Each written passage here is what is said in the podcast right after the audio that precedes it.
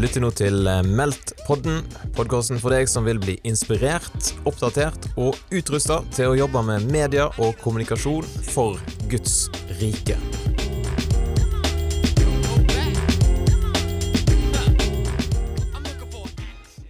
I Meldt-podden i dag så har jeg med en kar som heter Anders Torvild Bjorvann, og han skal vi bli litt eh, kjent med nå.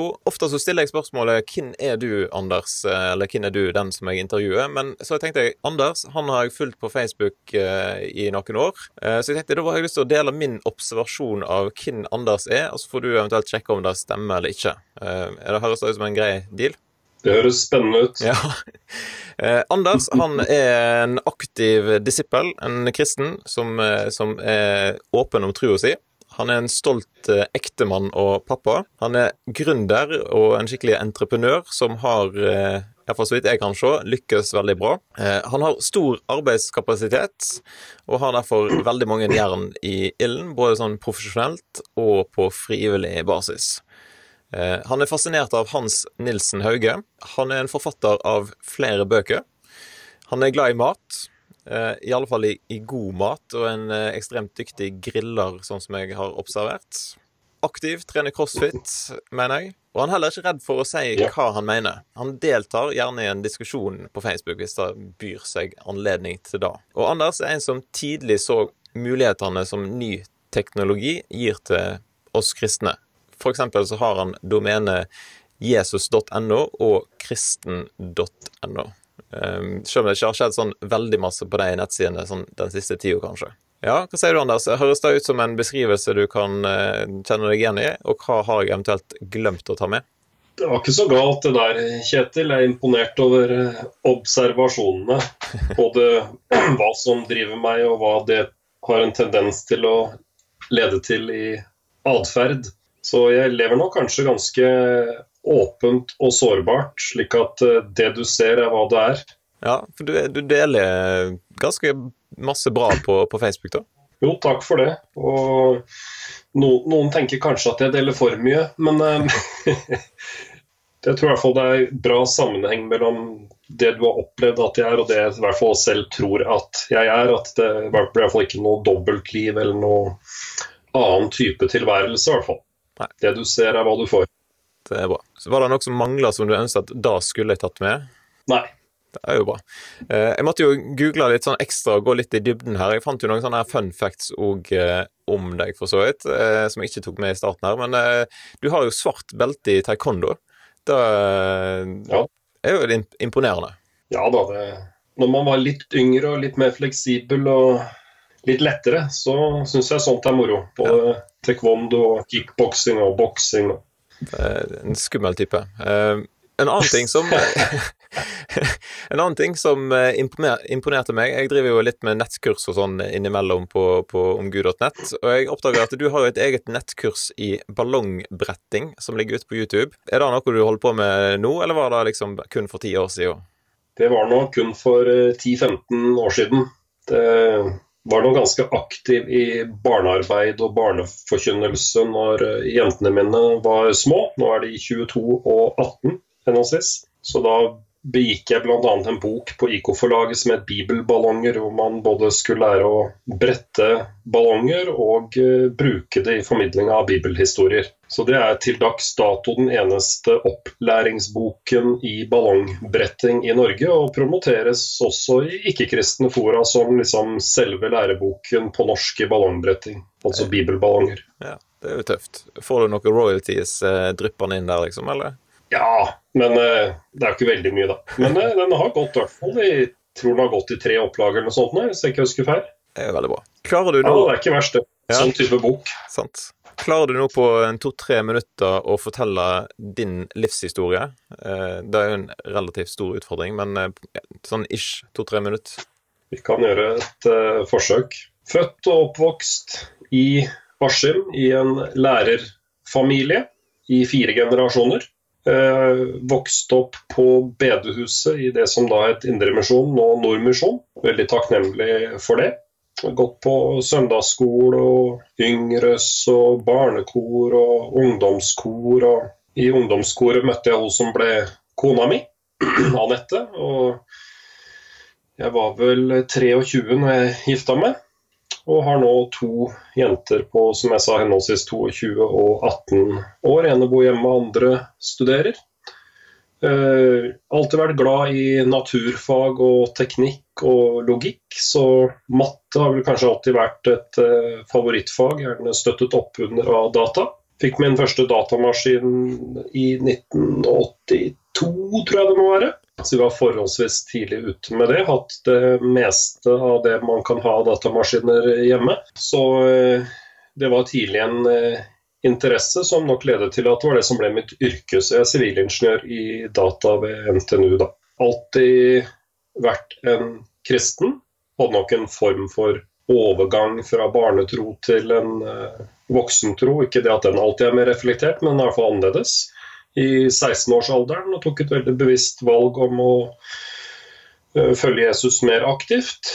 Og uh, ja, tenker egentlig at det alltid har fulgt meg, så jeg har nok blitt mer og mer bevisst ettersom årene har gått på at arbeidet mitt er uh, min tjeneste for Gud og for min neste, og mer og mer fokusert på hvordan ser det da ut. Som har resultert i noen av disse bøkene du nevnte, og at vi har bønnerom på arbeidsplassene våre, i de bedriftene jeg leder, og en del sånt. Det var veldig kort oppsummert, i hvert fall. Yes. Nå sa du de bedriftene du leder. Kan du fortelle litt mer om dem? Jeg eh, forbinder deg jo med kommunion og cornerstone eh, som, som, begrep. Men hva, hva, er det dere jobber med? Ja, jeg driver et par bedrifter som har hovedkontor her i Askim. ene Eklesia Systemer, som driver med noe så eksklusivt som gravferds- og gravplassadministrasjon. Altså de som jobber i gravferdsetater, enten kirkelig eller kommunalt rundt omkring i det ganske land, de bruker da stort sett våre systemer for å holde styr på hvem som er hvor, og hvem som er pårørende, og avtaler og kontrakter og kart og fakturaer og alt sånt. Så har vi Kommunion, som har et system som heter Cornerstone, som eh, er et organisasjonssystem, så fundraising, membership, administrasjon, kommunikasjon for frivillige organisasjoner, med et fokus på menighet og misjon, men også med tydelig opplevelse at vi skal hjelpe den allmenne frivilligheten også, og det gjør vi. Kommunion har kontorer også i eh, Moskva og Kiev.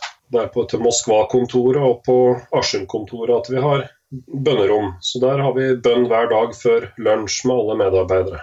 Og så er jeg styreleder i en del forskjellige bedrifter, noe innen teknologi for fiskeoppdrett og generelt også fiskeoppdrett. I Bergen, Haugakva, og noe innen bilteknologi oppe i Kongsvinger-miljøet, da. Høres ut som et relativt eh, hektisk liv, da. Klarer du å balansere mellom familieliv og, og alt eh, du holder på med? Nei.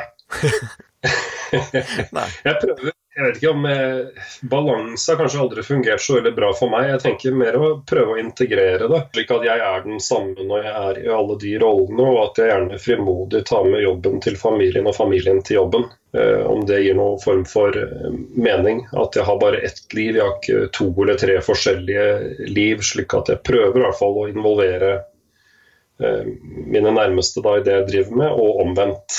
Eh, det er ikke alltid at det selvfølgelig er helt forenlig, det er litt forskjellige sfærer. Men eh, hvis f.eks. det er en jobbkonferanse, at jeg tar med kona, eller hvis det er en utfordring på jobben, eh, så er både kone og døtre såpass voksne at det går an å prate med dem om det, høre hva de tenker og få innspill. Og så det kan gå litt begge veier.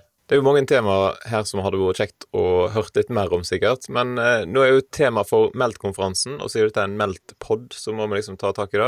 Det er kreativitet. Så derfor mm. tenker vi må prøve å fokusere litt på entreprenørskap og kreativitet.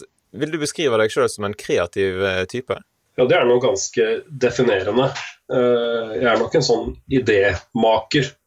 Og er nok spesielt glad i å løpe den første mila så hender jeg må løpe noen mil til.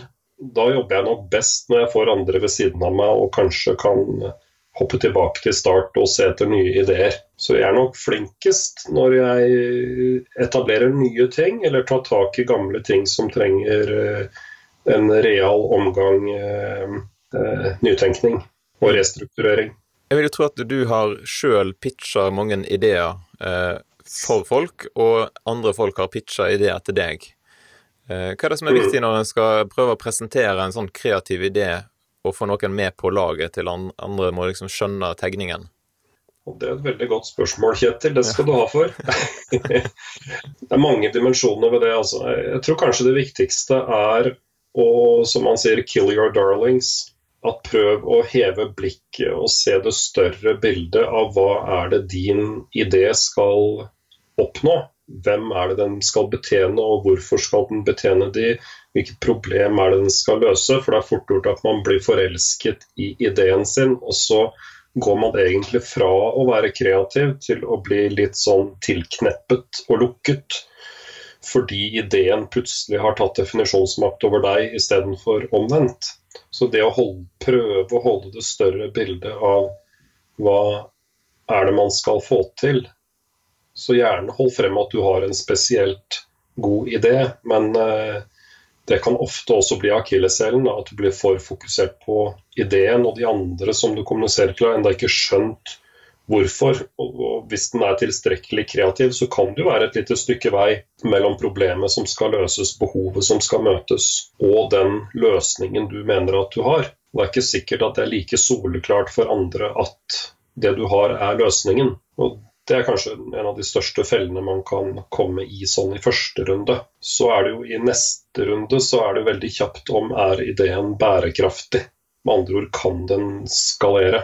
Eh, eller, og eller er den bare knyttet til deg og din kontekst og din person? Vil den kunne anvendes på andre og i andre kontekster, eller var den veldig situasjonsbestemt? Mm. Vi var litt innom eh, Hans Nilsen Hauge. Kanskje du forteller litt om hvorfor du er fascinert av han? Eh, og Går det an å koble Hans Nilsen Hauge opp imot kreativitet? Var han en kreativ type? Ja og nei. Han var først og fremst en som så muligheter og ikke var redd for å gripe de. Og det er det, sånn jeg på mange måter tenker om kreativitet som kristen også, at det er rett ut fra Efeserne 2.10. At vi er skapt til Kristus Jesus til gode gjerninger som han på forhånd har lagt ferdig for at vi skulle vandre i dem. Med andre ord, det gjelder å se istedenfor å være kjempekreativ og kaste masse stupide ideer opp i lufta og be Gud komme i desperasjon komme og velsigne dem, eh, så kan vi heller spørre Gud hva ser du som løsning på dette problemet? Eh, hvordan elsker du disse menneskene som du ser at har noen utfordringer? Hva er ditt svar på det, Gud? Hva er det du har for meg? Hva er det du har på ferde, Gud? Vis det for meg, og vis meg også, åpne også dørene så jeg kan gå inn gjennom det. Det er noe jeg streber etter. Det er ikke alltid så lett. Eh, egoet kommer fort i veien, men der tenker jeg nok at Hans Nilsen Hauge skilte seg ut ved at han hadde en enorm kunnskap, han tilegnet seg enormt mye kunnskap gjennom alle reisene sine. Og eh, sin uforholdsmessig høye grad av lesning i forhold til samtiden. Og det var han ikke redd for å anvende. Så med en gang han så noe han mente at kunne forbedres, så var han ikke redd for å gi beskjed om det og gi av seg selv for å tilrette, tilrettevise folk og lære dem opp. For å vise at slik kan du f.eks. grøfte jordet ditt for å få bedre avrenning, og dermed slippe at avlinga di råtner. Så en, både en kreativ og en praktisk eh, type? Ja, så ja, det er et element av kreativitet, men eh, jeg tror det er viktig å vite hvem er den kreative, hvem er kreativitetens opphav. Så en kreativitet som strekker seg mot å avdekke hva Gud har på ferde som vi kan være med på, er en uh, sannere form for kreativitet enn at vi som er skapt i den kreatives bilde, skal helt avsondret fra han som er kreativitetens kilde, være kreative. Da blir det fort til uh, smalt tankesett og ideer om epler som kunne spises i Edens hage, og når vi skal greie, greie sjøl, jeg tror gjerne vi skal være frimodige og sterke, men da i han som er all kreativitets opphav. Da blir det en helt annen måte å tilnærme seg det på. Du skrev jo òg en bok for noen år siden om dette her med koblingen mellom eh, kristen tro og arbeidsliv. Ja.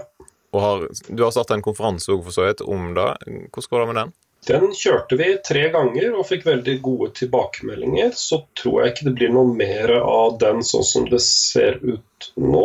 Men uh, det var veldig meningsfylt å ha den de gangene vi hadde den. Uh, fikk uh, satt ord på, fokusert på en rekke veldig viktige ting, og fikk en del betydningsfulle foredragsholdere i tale, og ikke minst til Norge, som jeg tror betød mye.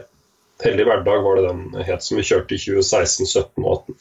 Jeg trodde nesten den skulle en gang til, men sånn er, sånn er det.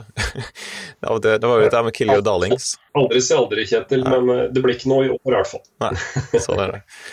Eh, men i den boka kan jo folk lese mer eventuelt om eh, koblingen mellom kristen tro og arbeidsliv. Og det ligger jo for så vidt òg ute som et eget nettkurs eh, med Anders på kursovergud.nett, så vi kan jo pitche den inn der. Nå har jo du jobba i mange år og gjort mange forskjellige ting. Et sånn klassisk spørsmål å stille folk som deg er jo hvis du skulle gi deg sjøl ett eller to råd som en som ung, nyutdanna person, hva vil, hva vil det ha vært? på en måte? Hva vil du fortalt deg sjøl at uh, dette er lurt å gjøre? Oi! uh, store spørsmål. Det, det, kommer an på Hvis man tenker ut fra et gründerperspektiv, da, så er vel det viktigste enkeltrådet man kan gi til enhver fremadstormende ung leder, at du bør omgi deg med folk som er flinkere enn deg selv. For det er jo den klassiske gründerfella. At man Gründere er gans, ofte ganske all-rounded. De, de, de, kan ganske mye ganske brukbart. Så de kan nesten fikse alt sjøl opp til et visst nivå, til evnene tar slutt. For de har denne enorme bredden ofte, som gjør at de greier med få folk rundt seg, få ressurser og få ting opp fra bakken og litt grann i gang. Når de så skal ta det, det neste skrittet, så er det det butter, for da er ikke gründerens evner gode nok på et eneste område. Og Det en del gründere gjør da, er på område etter område hvor de ser at de er i ferd med å få gå tom for kapasitet. Så får de en kapasitet i form av ledige hender og hoder, men som på ingen av de områdene er dyktigere enn gründeren. Øh, og da blir gründeren den berømte proppen i flaska. Så det å omgi seg med folk som er flinkere enn en selv på hvert eneste område ettersom man henter inn nye folk, det er kanskje det aller viktigste i det man bygger et team og går i en retning. Da. Det vil si at det var et veldig bra råd for folk å ta med seg. Rett og slett. Yes. Eh, vi skal gå mot slutten. Eh, vi er nesten på tida der vi pleier å runde av. Men eh, hva, hva, skjer framover Er det noe kreativt og spennende som skjer framover i ditt liv? Jeg vet at dere holder på og skal snuse på et uh, nytt kontor i USA, stemmer ikke det? Jo da, i løpet av en to, toårsperiode så håper vi å ha landet en lokasjon. Så vi driver og ser på litt alternativer. Skal på en konferanse i Utah i juli. Å, da treffer vi en del folk, og så ser vi litt hvor ting bærer. Men om et år eller to så håper vi å ha kontor på bakken i, i USA, ja. Så det blir uh, veldig spennende. Andre kreative, spennende ting som skjer? ja, om to år så er det jo 250-årsjubileum fra Hans Nilsen Hauges fødsel i 1771. Så vi jobber jo med en eller jeg jobber med en eh, biografi om Hans Nilsen Hauge for vår tid. Med vår tids perspektiver og med ikke minst all den Hauge-forskningen som har pågått de siste 25 åra, siden den forrige store Hauge-biografien kom, som Dag Kullerud skrev i 96. Så det er veldig eh, spennende og jeg tror også viktig. Det, siden i hvert fall Bang kom med sin eh, tror jeg 1875, så har hver generasjon hatt en Hauge-biografi som forteller om han til nye generasjoner, med den generasjonens perspektiver, språk og det man har funnet ut i mellomtiden. De siste 25 åra har det vært mer Hauge-forskning enn på veldig, veldig lenge. Og jeg tror det kan bli veldig spennende å få ut en ny Hauge-biografi. Så om vi lykkes, får vi se, men det, det jobber jeg i hvert fall med. da. Spennende. Det hadde vært interessant å, å ført, hvorfor, hvorfor har han blitt så fascinert av Hans Nilsen Hauge de siste årene, på en måte, hvis du sier at det har blitt mye mer forska på han nå enn før? Vanskelig å si hvorfor det spesifikt har blitt det de siste årene, men man ser i forskningsmiljøene, og da snakker vi om de allmenne miljøene innen økonomi og historie ved universitetene, at det er et økt fokus på Hans Nilsen Hauge. Og han kommer mer til heder og verdighet eh, og får mer den plassen han skulle hatt. For han har nok blitt underkommunisert i historieformidlingen tidligere. Men det er klart han er jo den Enten man er opptatt av trosdimensjonen eller ikke, så er han et historisk faktum at han er den første lederen av en nasjonal folkebevegelse. Det han satte i gang med Haugekvinnene, ble forløperen for kvinnesakskampen og kvinnenes stemmerett, utvilsomt, med misjonsforeningene som kom utover på 1800-tallet. Betydelig stemme inn i uh, grunnlovsforsamlingen på Eidsvoll, selv om han da selv formelt var i fengsel. Fri soning dog, men fremdeles ikke fri. Og du vil i dag finne produkter på Rema og Kiwi som har direkte kobling tilbake til Hans Nilsen Hauge personlig. Og det er unikt, da. Det er, ikke så mange andre virksomheter som har den type historisitet som Hauge kan vise til. Og også selvfølgelig eh, kristelig sett så eh, er det ingen annen vekkelse nasjonalt, i hvert fall som 250 år etterpå i Norge kan gi Du kan måle forskjellen.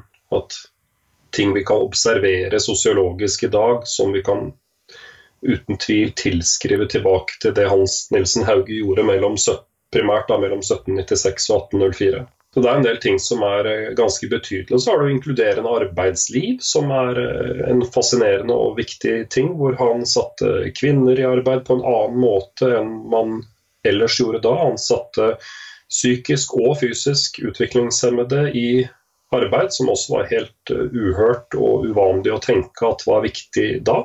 Så det er flere områder som begynner å bli mer eh, sentrale. Og så er det jo noen artig sånn fun fact som eh, ble skrevet en del om i fjor, men som også har vært kjent, men aldri vært med fokus på, er jo at dette med religiøs ekstremisme. Vi visste jo ikke for 25 år siden når forrige Hauge-biografi kom, hva IS eller Al Qaida var. Det kom jo fra 2001 og fremover, ikke sant. Men det var faktisk det som var grunngivningen til at uh, kanselliet i København tok affære og fengslet Hans Nilsen Hauge. Tiltalen dreide seg kun om brudd på konventikkelplakaten og forskjell på å skape en slags felles formuesforvaltning. Men grunnen det som trigget at de tok ut den tiltalen som var lettere å reise tiltale på, var at biskop Peder Hansen i Kristiansand advarte kanselliet i København om at her hadde vi en ny Abdul Wehab, som er da navnet på grunnleggeren av wahhabismen som er den trosretningen innen sunni-islam som ønsker å opprette kalifat og hogge huet av alle de